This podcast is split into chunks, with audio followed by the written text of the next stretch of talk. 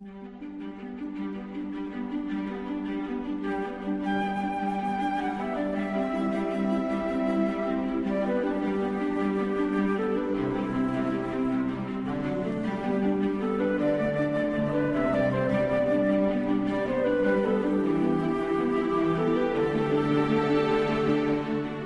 Arribats a aquesta hora del matí, aquesta hora que és entre intempestiva i plàcida, intempestiva pels que encara no han arribat a casa després d'una nit eh, que es pot, es pot haver allargat des de molts punts de vista, i plàcida per aquells que tot just estan obrint un ull a aquesta hora del matí i pensen, mira, encara tenim tot per davant i tot és possible després d'aquesta setmana de retorn per tantíssima gent després de les vacances de Nadal, és aquell moment que ens agrada dirigir-nos a un raconet molt especial, que és el final d'un carreró empedrat d'una ciutat que no han volgut revelar mai exactament en quin lloc del mapa es troba, i al final d'aquest carreró hi ha un edifici sense gaires pretensions arquitectòniques o artístiques, al darrere de la porta del qual s'hi amaga una pila de meravelles. És el Basar de les Sorpreses i, com sempre, és un gust, un privilegi saludar l'Albert Beorlegui. Com estàs, Albert? Bon dia.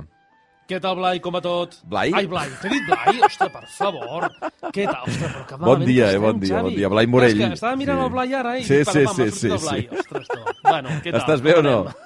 Sí, sí, molt bé, molt bé. Molt A bé. part, a part de despistat, eh, la resta bé, no? A part d'això, molt bé. No sí, sí, hem començat l'any amb molta embranzida. Mm. No sé aquesta setmana com ha resultat eh, per tu, però Déu-n'hi-do. realment, home, Déu-n'hi-do. és una mica, és una mica durillo, eh? No ens, Sí. enganyem, o sigui, no ens enganyem que, No. a més, eh, i aquest any encara, perquè mira, Reis va caure dissabte i vam tenir el diumenge per jugar amb les joguines, per Exacte. entendre'ns, no? Però el dilluns és aquella mena de, de, de desboranc eh, gairebé existencial de dir, és el precipici, sí o no? Sí, sí. I l'any que ve, que caurà Reis en diumenge... No, caurà en dilluns, perdona, perquè aquest any és de traspàs. Mm. -hmm. Clar, caurà en dilluns... Mira, encara començarem la setmana en dimarts, però vaja, després de Reis, l'endemà de Reis, ja pensar amb el retorn a la feina, eh, certament eh, Sí, sí, sí. sí. està un pèl angoixant, eh? Bueno, és el, Però, és el gran la retorn. Setmana, És el gran eh? retorn, diguem-ne, no? Eh, a l'estiu és tot com més esglaonat i no hi ha tanta sensació Sí, genèrica, eh, global, de retorn, però el de Nadal és, és impactant perquè és molt col·lectiu, eh? Molt tothom Sí. a la vegada, de cop. No, que a dient, més, bueno, a, a, o sigui, és l'inici del túnel, eh, d'aquest túnel que Ara, el Toni ara, Clapés, per entendre'ns que s'allarga fins gairebé la Setmana Santa. Eh? Sí, sí, dir sí, que- sí, pràcticament és, estem parlant de finals de Sí, sí. març, normalment. Sí, sí, o sigui, sí, tot sí. el gener, tot el febrer i tot el març. O sigui que... En fi. Ja ve, ja ve, ja està aquí. Però bueno, ja, ja li veurem la sortida en algun moment o altre. Bé, eh, et sembla que, que llegiu un parell de cartes a veure de les que ens han sí, arribat? mira, uh, si et sembla, no en llegirem dues, sinó que en llegirem tres. Molt perquè, bé. a veure, estem encara al desembre, agafarem tres cartes del mes de desembre que són inequívocament nadalenques, bàsicament perquè en alguns dels sobres són de color vermell, que indiquen, diguem-ne, un to més o menys nadalenc, i un altre té una franja que posa Merry Christmas, vull dir que no fa falta ser Sherlock Holmes per endevinar, per intuir que dintre hi ha una felicitació de Nadal, um, tot i que tenint present que uh, en quedaran també pendent algunes, que suposo que acabarem entre la setmana que ve i l'altra, vull dir que no, no arribarem per entendre'ns a Carnestoltes llegint encara felicitacions de Nadal, però que, clar, és que pensa que hi ha una aglomeració de correspondència que eh, està relacionada, evidentment, amb els bons desitjos que, eh, que ens donen els, eh, els, eh, els oients. Molt bé. Mira, la primera de les cartes és una carta que ens arriba des de Sitges, ens la remet la Rosa Maria Reventós, Reventós, de dintre extraiem, doncs, efectivament, una felicitació de Nadal d'un arbre molt ben decorat, eh, amb, unes, eh, amb uns trucalats del Pare Noel, d'uns mitjons, d'un arbre de Nadal i d'una- d'un ninot de neu.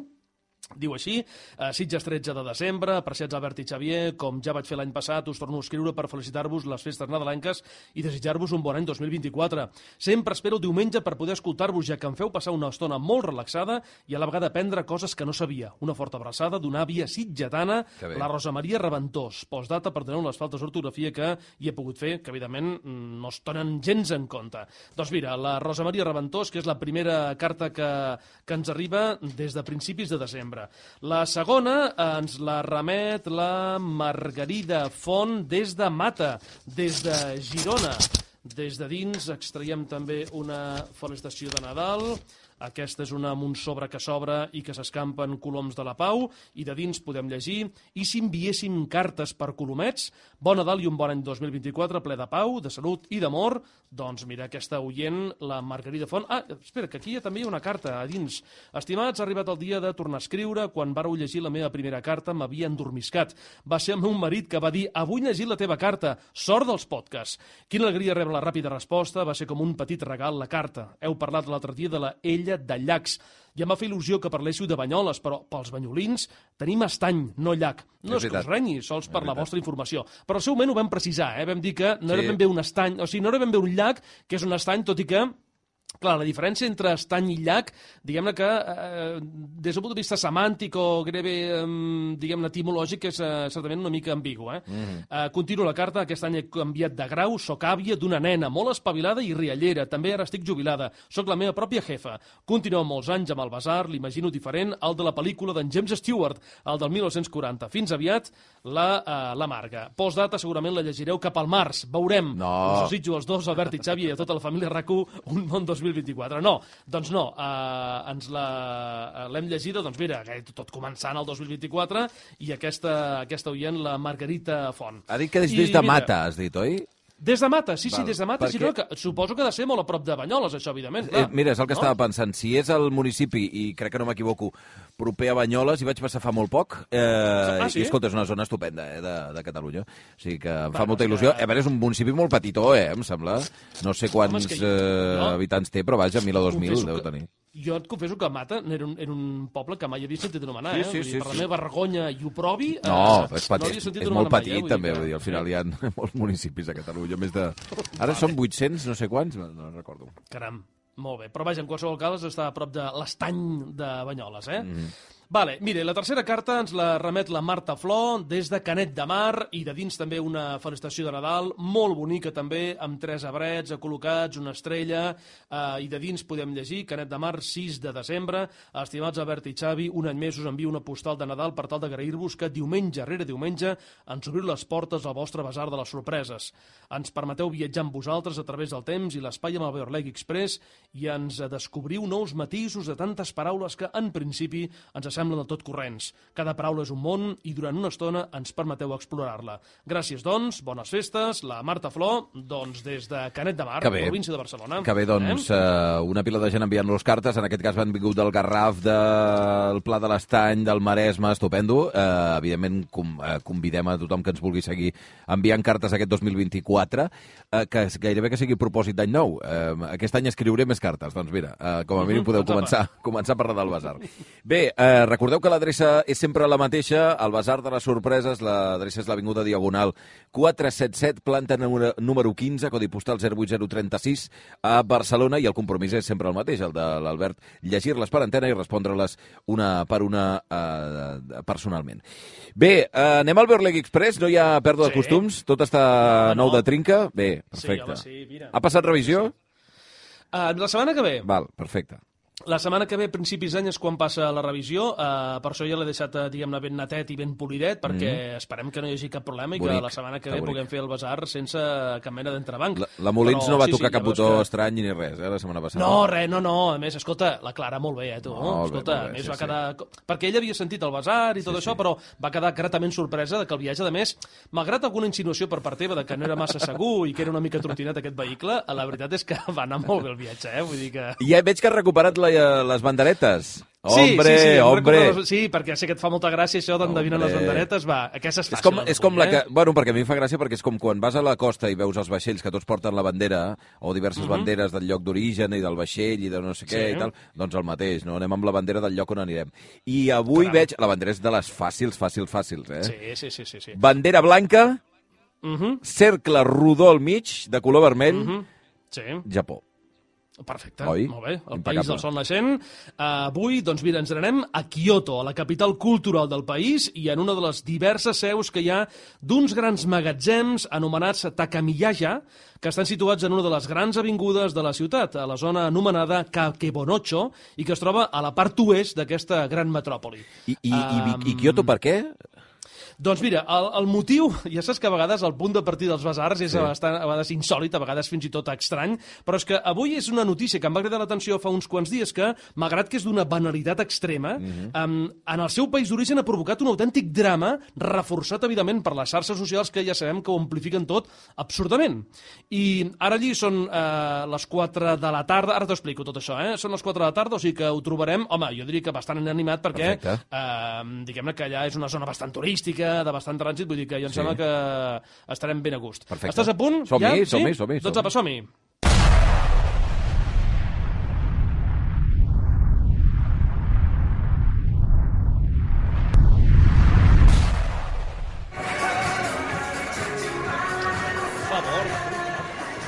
Què és això?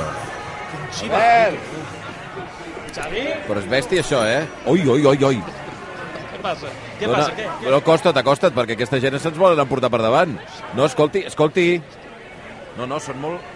Bueno, noi. No, no, no, són, a veure, són estupendos, no xoquen amb tu, eh? Però és Sí, una sí, no, no, autèntica però- xama, això, eh? Bueno, Jo em sento una, una mica com el Bill Murray Uf. a Lost in Translation, no? Sí, sí, o no? sí, sí, sí. És aquesta idea, eh? Vull dir que... mira, que ella et saluda, eh? Has de, fer, has de fer una mica, has de baixar una mica el cap. A veure, d'acord que el Via Lliure Sí, és uh, bueno. un programa mundialment famós, No, però no crec, no que crec. no ens passem, eh? No, no crec, no que... No, he, he, he is, him, him, No, he's a celebrity. No, sí, celebrity. From res. Barcelona. Va, sí, tira, doncs, tira, tira, tira, tira, deixa-la estar. És que a més a més fan gestos que no acabo de saber interpretar, saps? No, Bueno, és clar, és que aquí el tema cultural sembla que no, però el tema cultural és molt important Home, aquí, eh? Vull dir home, que, d'acord, que, ui, sí, estem en una època globalitzadora, però no, i aquí entendre les senyals i sobretot els matisos d'aquesta cultura tan mil·lenària, eh, ostres, certament és complicat, i més per un occidental, eh?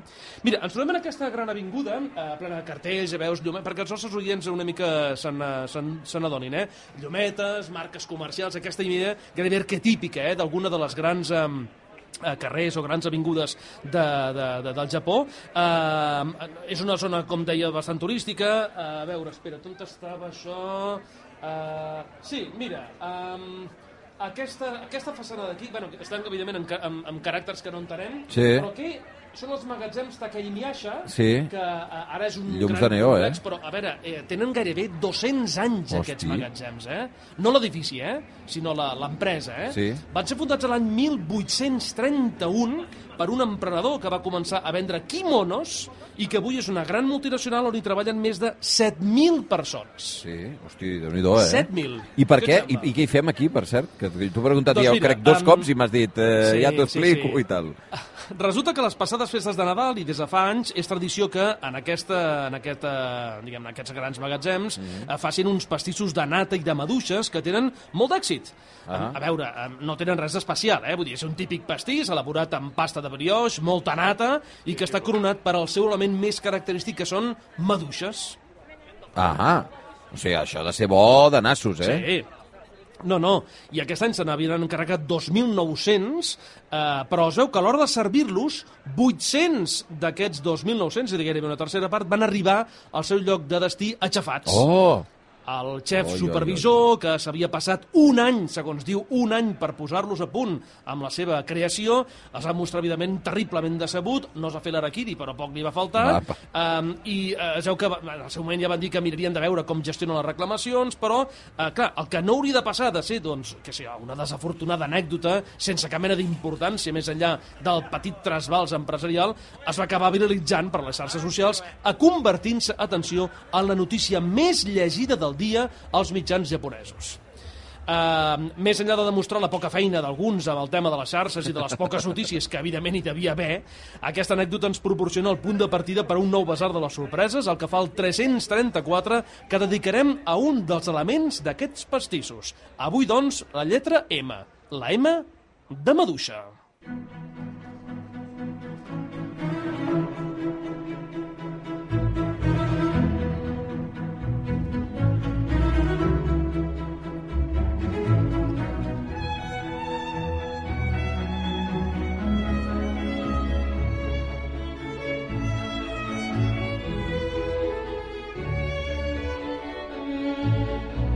Què, a tu t'agraden les maduixes o no, Berlegui? Molt, molt, moltíssim.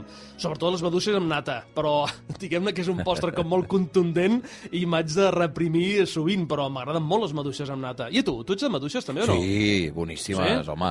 Eh, és veritat que depèn de les que trobes, perquè a vegades vas al mercat Ah, i potser clar. en determinades Sí. èpoques de l'any no hauries d'anar-hi a buscar-les, però quan trobes una maduixa bona, Berlegui... Sí, sí, sí. A més, És a mi m'agraden les més Déus, petites eh? ni les més grans, eh? Vull Sí. dir que, però les que són així de, de, de, de mida mitjana Oh, són oh, certament oh. extraordinàries, Oh. eh? A més, tan gustoses, sensuals... Saps eh? què sentia l'altre dia el cuiner Què? aquest eh, que viu als Estats Units, no me'n recordo el... eh, Ah, sí, home, el, el José Andrés. cuiner solidari. Va dir Sí, que... el solidari, no? Sí. sí, exacte, el que té el World Central Kitchen. Eh, Correcte.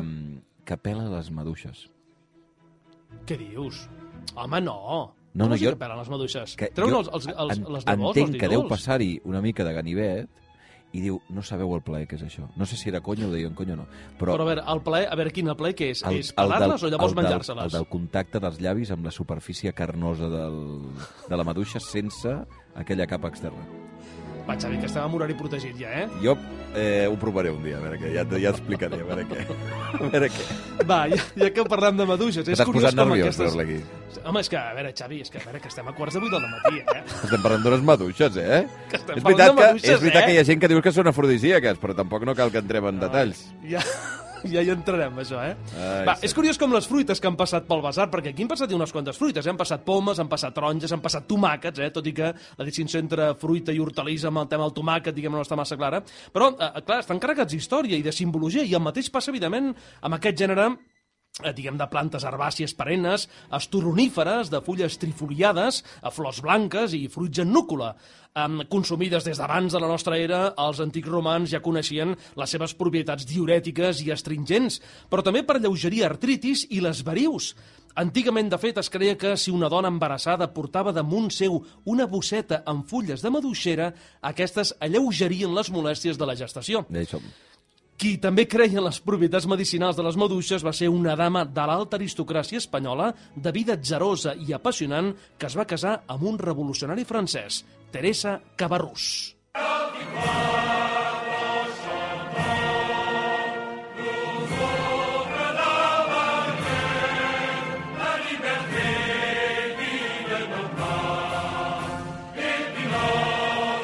A veure, així d'entrada, un aristòcrata casat amb un revolucionari francès, d'entrada no, no sembla que hagi d'acabar bé, eh?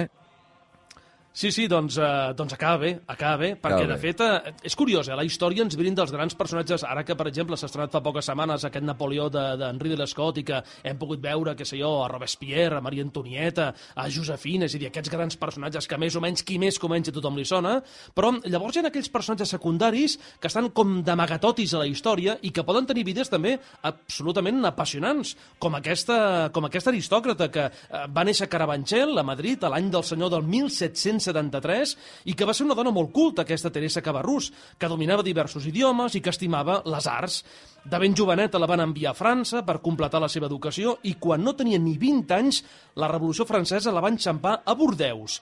Es va casar llavors, no em demanis eh, en quines circumstàncies, eh? Sí. I com van ser que es van enamorar, eh? Però es va casar amb, amb un tio que era l'encarregat de guillotinar nobles. Ai! Un tal Jean Ai! Lambert Alien. Ai, ai, ai, ai, ai, ai, ai. Però per la seva intercessió i segurament per l'astúcia de la nostra estimada Teresa, doncs va poder salvar moltes vides. Moltes vides que estaven ja condemnades a caure amb el fil de la guillotina i gràcies a ella es van poder salvar. Acabada la revolució es va separar, va formar part de la cort de Napoleó, es va tornar a casar amb un noble, el comte de Caraman, i va viure fins als 61 anys de manera ben discreta, convertida en una dama molt estimada i molt respectada. Carai. I diem tot això perquè la Teresa Cabarrús es deia que una de les seves aficions màximes preferides era banyar-se amb suc de maduixa. Ai, ai, ai, I per no. això s'utilitzaven 10 quilos d'aquesta fruita per fer-se un bon 10 bany. quilos. Mira, és que ara és, és el que estava eh, pensant. La, eh, la maduixa que tampoc no treu tant de líquid, perquè a no ser que hi hagi No, maduixes no. molt grans, n'has de necessitar molta per fer-te un bany, eh? 10 quilos? A no ser que... La... Sí, 10 Mm, quilos. no Home, a sé no si ser que donen, les deixis... eh? mad- No, les deixes madurar durant 3 setmanes, Sí. tu no pateixis, que Ja et pots fer un bon sol. bany, Suqueja però llavors t'has de fer un altre bany, eh? Sí, Vull sí, dir que... sí, sí, sí. Bueno, no sé, potser Va, sí que i- es necessiten 10 quilos, mira, no ho sé. Jo no ho acabo de veure, eh? La veritat, eh? No Semblen acabo de poques, veure. oi? Però bé, bé, és que hi ha el propi bany de maduixes, jo és que no veig... Eh, No, què, no, però, no, Escolta, En absolut, no, no. Sí? Va, però més enllà de les seves A més, que devia acabar, associem- devia acabar sí. com aquella festa de la tomatina, Ah, saps? sí. que queden tots vermells. No sé si a massa València, no massa sé on, però bé. Més enllà de les seves propietats, associem les maduixes, evidentment, a l'amor.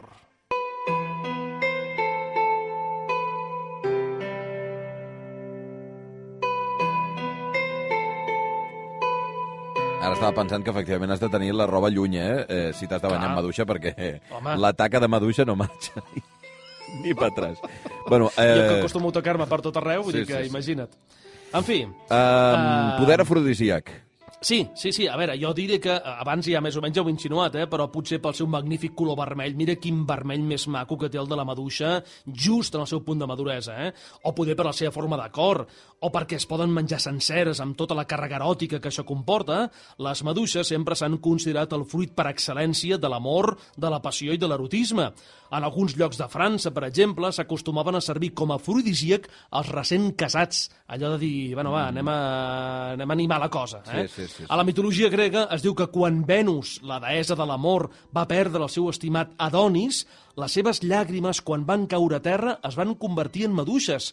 Tot i que en algunes versions es parla de roses i en algunes altres d'anèmones, plantes totes elles que anuncien la primavera. I malgrat aquesta equiparació de la maduixa amb l'amor i l'erotisme, també ha estat relacionada amb la puresa, la innocència i la passió de Jesús.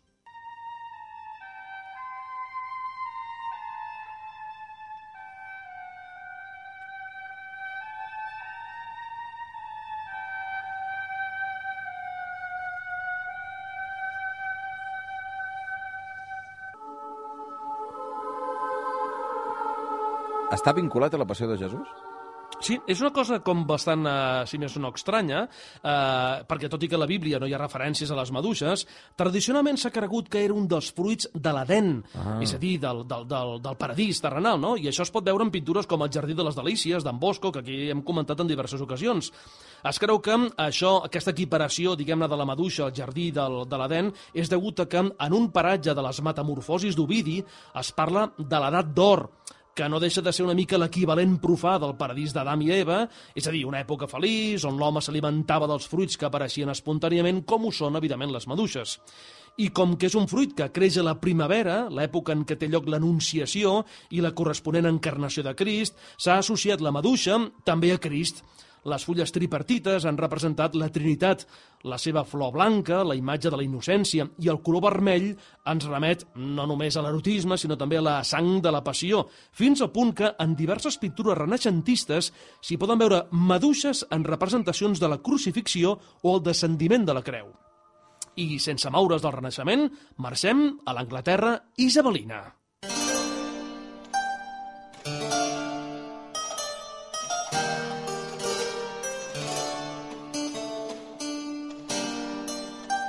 I per què aquesta Anglaterra isabelina no una altra època?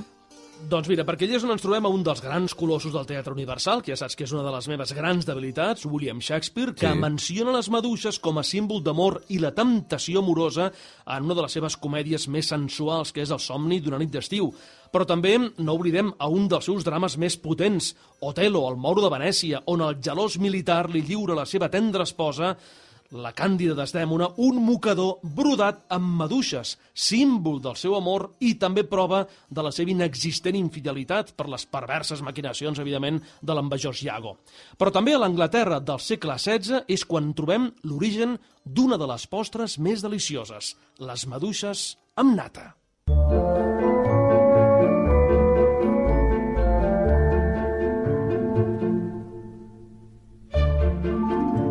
Ai, ai. Aquesta és una dels, dels teus postres preferits, oi que Sí. A veure, a veure, a veure perquè- diguem-ne que no és cap mèrit perquè tinc molts postres preferits, jo. Està és bé, que és el que té ser tall de miner, no? Però, però, sí, sí, jo... ma- o sigui, Sí, ma- sí. ma- em portaràs al lloc d'origen de les maduixes amb nata? Doncs sí, O el que es creu, en tot cas la llegenda diu... el que es creu, eh? perquè eh, quan les històries són, eh, diguem-ne, quan les històries són massa entretingudes Sí. i aquest punt inverosímils, és quan dius, bé, segur que això no van ser veritat, eh? Però, escolta, mm, com que no tenim la versió real, doncs, escolta, conformem-nos mentrestant amb la versió, mm, diguem-ne, més o menys literària, eh? Um, situem-nos, com deia, a l'Anglaterra eh, del segle XVII, uns quants anys abans a Shakespeare, a l'inici dels esplendorosos anys de regnat d'Enric VIII, és a dir, el pare de, de l'Elisabet, um, i ens trobem amb la figura d'un d'un amic seu, en Thomas Wolsey, que va acabar sent arcabisbe, cardenal i lord canciller d'aquest rei. El que ens interessa d'aquest purprat, però, és que va ser el primer en combinar aquestes postres que ha arribat fins als nostres dies, com són les maduixes amb nata. Mm -hmm. Es diu que les maduixes amb nata es van convertir en un símbol de germanament entre les classes més humils, entre la, què sé jo, la llet i els seus derivats, que era alimentació de gent pobra, per Sí. tant aquí deriva la nata, i les més benestants, que eren les consumidores Ah. de maduixes, perquè no oblidem que eren importades de les colònies americanes, és a dir, les Ah, maduixes venien d'Amèrica. Eh? Clar, clar, clar. O sigui, era un producte de luxe contra Sí. la cosa més bàsica, que és un derivat de la llet. Correcte. Sembla que la feliç combinació la va presentar en un banquet que va tenir lloc l'any del senyor del 1509, quan el monarca Enric VIII va anar a disputar un dels seus partits de tennis, els que, com tothom més o menys sap si és aficionat a la història, n'era molt, molt aficionat. I parlant de tennis i de maduixes amb nata, no oblidem que estan presents en un conegudíssim torneig esportiu, també anglès, Wimbledon. Doncs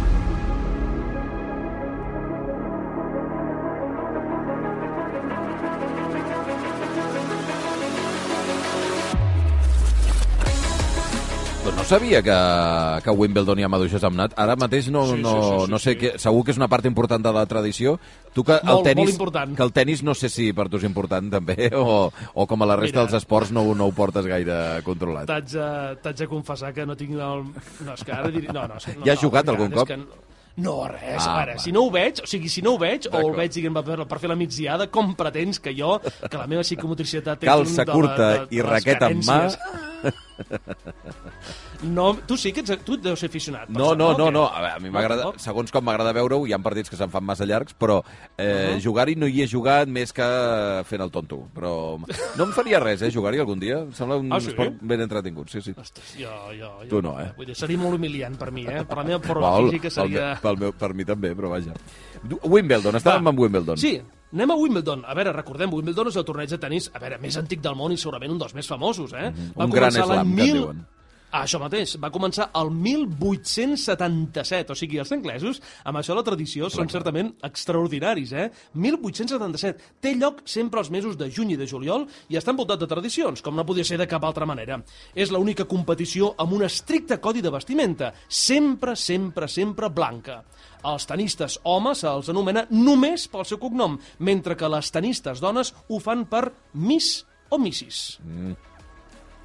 I des de la primera edició hi ha constància que el menjar oficial de la competició són maduixes amb nata, que es recullen mentre se celebra el torneig diàriament a les 4 del matí per ser consumides el mateix dia i a veure, poca broma, eh? perquè es calcula que en tot el torneig se'n mengen 2 milions de maduixes, que venen a ser 35 tones.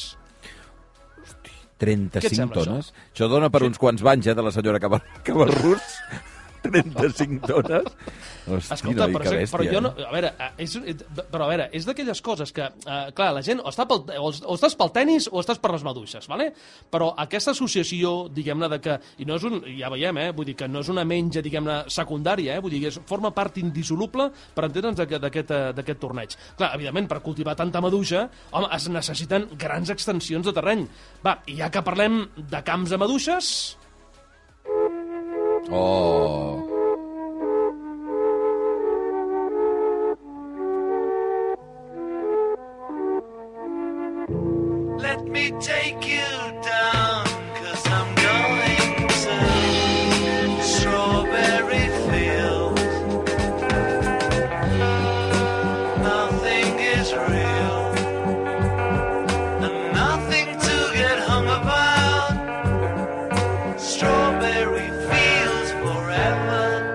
Ai, senyor, això és el, el Què? més modern que es pot permetre el Beorlegui, que Home. he de dir que és, és, a veure, que és bastant... Vull dir, hi haurà tota una generació que diu, bueno, els Beatles que antics i tal, i és veritat, tenen moltes dècades, jo que deu tenir 50 o 60 anys. 50 bastants, Eh, sí, sí. 50 bastants. Però, bueno, la música dels Beatles continua sent moderna en molts aspectes, per tant, Sí, home, sí, eh, ho home. acceptem, no? I hi ha músiques, com en tot en l'art, eh? hi ha músiques del moment i músiques de tot moment. I els Beatles, com tants altres grups més o menys contemporanis, els Rollings, tu podràs més o menys estar aficionat, però mm. diguem-ne que han transcendit l'època Sí, en què sí, van sí. viure per convertir-se ja en referents, ja no només musicals, sinó, evidentment, culturals eh, de, del, del segle XX, no? Sí, sí, sí. I aquí tenim, doncs, aquesta, Strawberry Fields Forever, és a dir, els camps de maduixes per sempre, que són una de les cançons més cèlebres dels Beatles, composta per John Lennon i publicada l'any 1967. El nom de la cançó fa referència a un orfenat del mateix nom que estava situat prop de la casa on vivia Lennon a Liverpool i d'on petit, per entendre'ns, hi jugava. Eh? La cançó, no cal dir-ho, ha estat versionada per molts artistes, eh, Noel Gallagher, eh, els Bee Gees, Cyndi Lauper, entre molts altres, i ha sortit en diverses pel·lícules, la més destacada de les quals possiblement sigui Across Home, the Universe, home, una home, pel·lícula home. que, de Home, culte, home, eh, que fa fantàstica uns quants pel·lícula. anyets i que recuperava algunes de les cançons dels Beatles. Eh, és una pel·lícula que a mi eh, personalment em va encantar. Eh, he de Ah, dir sí? que no sé, què. No sé què tal aguanta amb el temps, però és una d'aquelles pel·lícules que al final va haver com una època, no sé si ho recordes, que va- es van agafar com grups de música i anem a construir un relat al voltant de la seva trajectòria. El Mamma Mia, per exemple, d'Ava, que ja és, és veritat que és un musical, no sé si he vist primer la pe... no, primer el musical i després la pel·li, em sembla, Sí, però sí, sí. la l'estela que va deixar això, suposo que tot l'èxit de Mamma Mia, no sé si el Mamma Mia és previ eh, a Cross the Universe, però vaja, No, jo diria que és posterior, eh? És posterior. Però vaja, tampoc no n'estic segur, eh? però, però que- són per la mateixa època, diria, eh, de Sí, l'inicis sí, sí, dels sí, sí, 2000. sí, sí, sí. Eh, va Correcte. generar que hi haguessin una sèrie de... Allò que passa, que tothom es copia a tothom i comences a crear uh, històries en base a les lletres de les cançons. Jo he de dir que Sí. Across the Universe és una d'aquelles pel·lícules que, anant-la a veure, vaig gaudir com, una, com un enano, que en diuen. Eh, Jim Sturges estava estupendo. Eh, la- L'actriu, di, di, no recordo com es deia, però els que feien de parella, i el moment Strawberry Fields Forever era estupendo, també. O sigui, Sí, que hi ha sí, moments ex excelsos d'aquella d'aquella pel·lícula, si Sí, la voleu recuperar. Perquè a vegades hi ha, hi ha pel·lícules que només les cançons són el pretext i la, el, el, diguem l'interès de la pel·lícula només rau a veure quan surt la cançó que ens Exacte, agrada sí, més, sí. però aquí no, aquí hi havia un argument mal treballat, hi havia una història que estava, era consistent per Sí, entendre'ns. sí, sí, sí. Va, i ja que estem en cinema, doncs va, una gran, grandiosa pel·lícula amb maduixes. Vad är det här? Barnen ville gå ur ett tag och sträcka på benen. De är där borta. Det regnar ju fortfarande. Jag talade om vad det var för en dag idag och så insisterade de på att få hylla dig. Herregud. Har du sovit gott? Ja, men jag har drömt. Kan du tänka dig, de sista månaderna har jag haft de besynnerligaste drömmar. Aquí ha semblat que digués Síndria, imagina't. Uh, no, no, no, i no hem posat tampoc la bobina al revés, eh? No, Vull dir que no és allò que és diguis, suec, aquesta això, gent no? s'han equivocat. O no? Sí, sí, efectivament. Caram, Xavi, ostres, la teva... No, home, perquè intuïa, intu, no, intuïa que, que la pel·lícula que posaràs, perquè clar, si hem de parlar de maduixes i de cine, hi ha una pel·li bàsica. Correcte. Doncs hem de, hem de parlar de la magnífica Fresa Salvajes, una de les obres mestres del director suec Ingmar Bergman, rodada l'any 1957, amb el també director Victor Skålstrom com a protagonista, aquí en la seva darrera aparició al cinema. Eh, compta també amb Vivi Anderson, l'Ingrid Tulin i el Max von Sydow, ja saps, un dels actors a qui vas entrevistar, que Sí, sempre senyor. dic, eh? Vas entrevistar aquí Quina enveja que em tens, eh, per haver entrevistat sí, a Max sí, von sí, Sydow, sí, eh? Clar, clar que sí.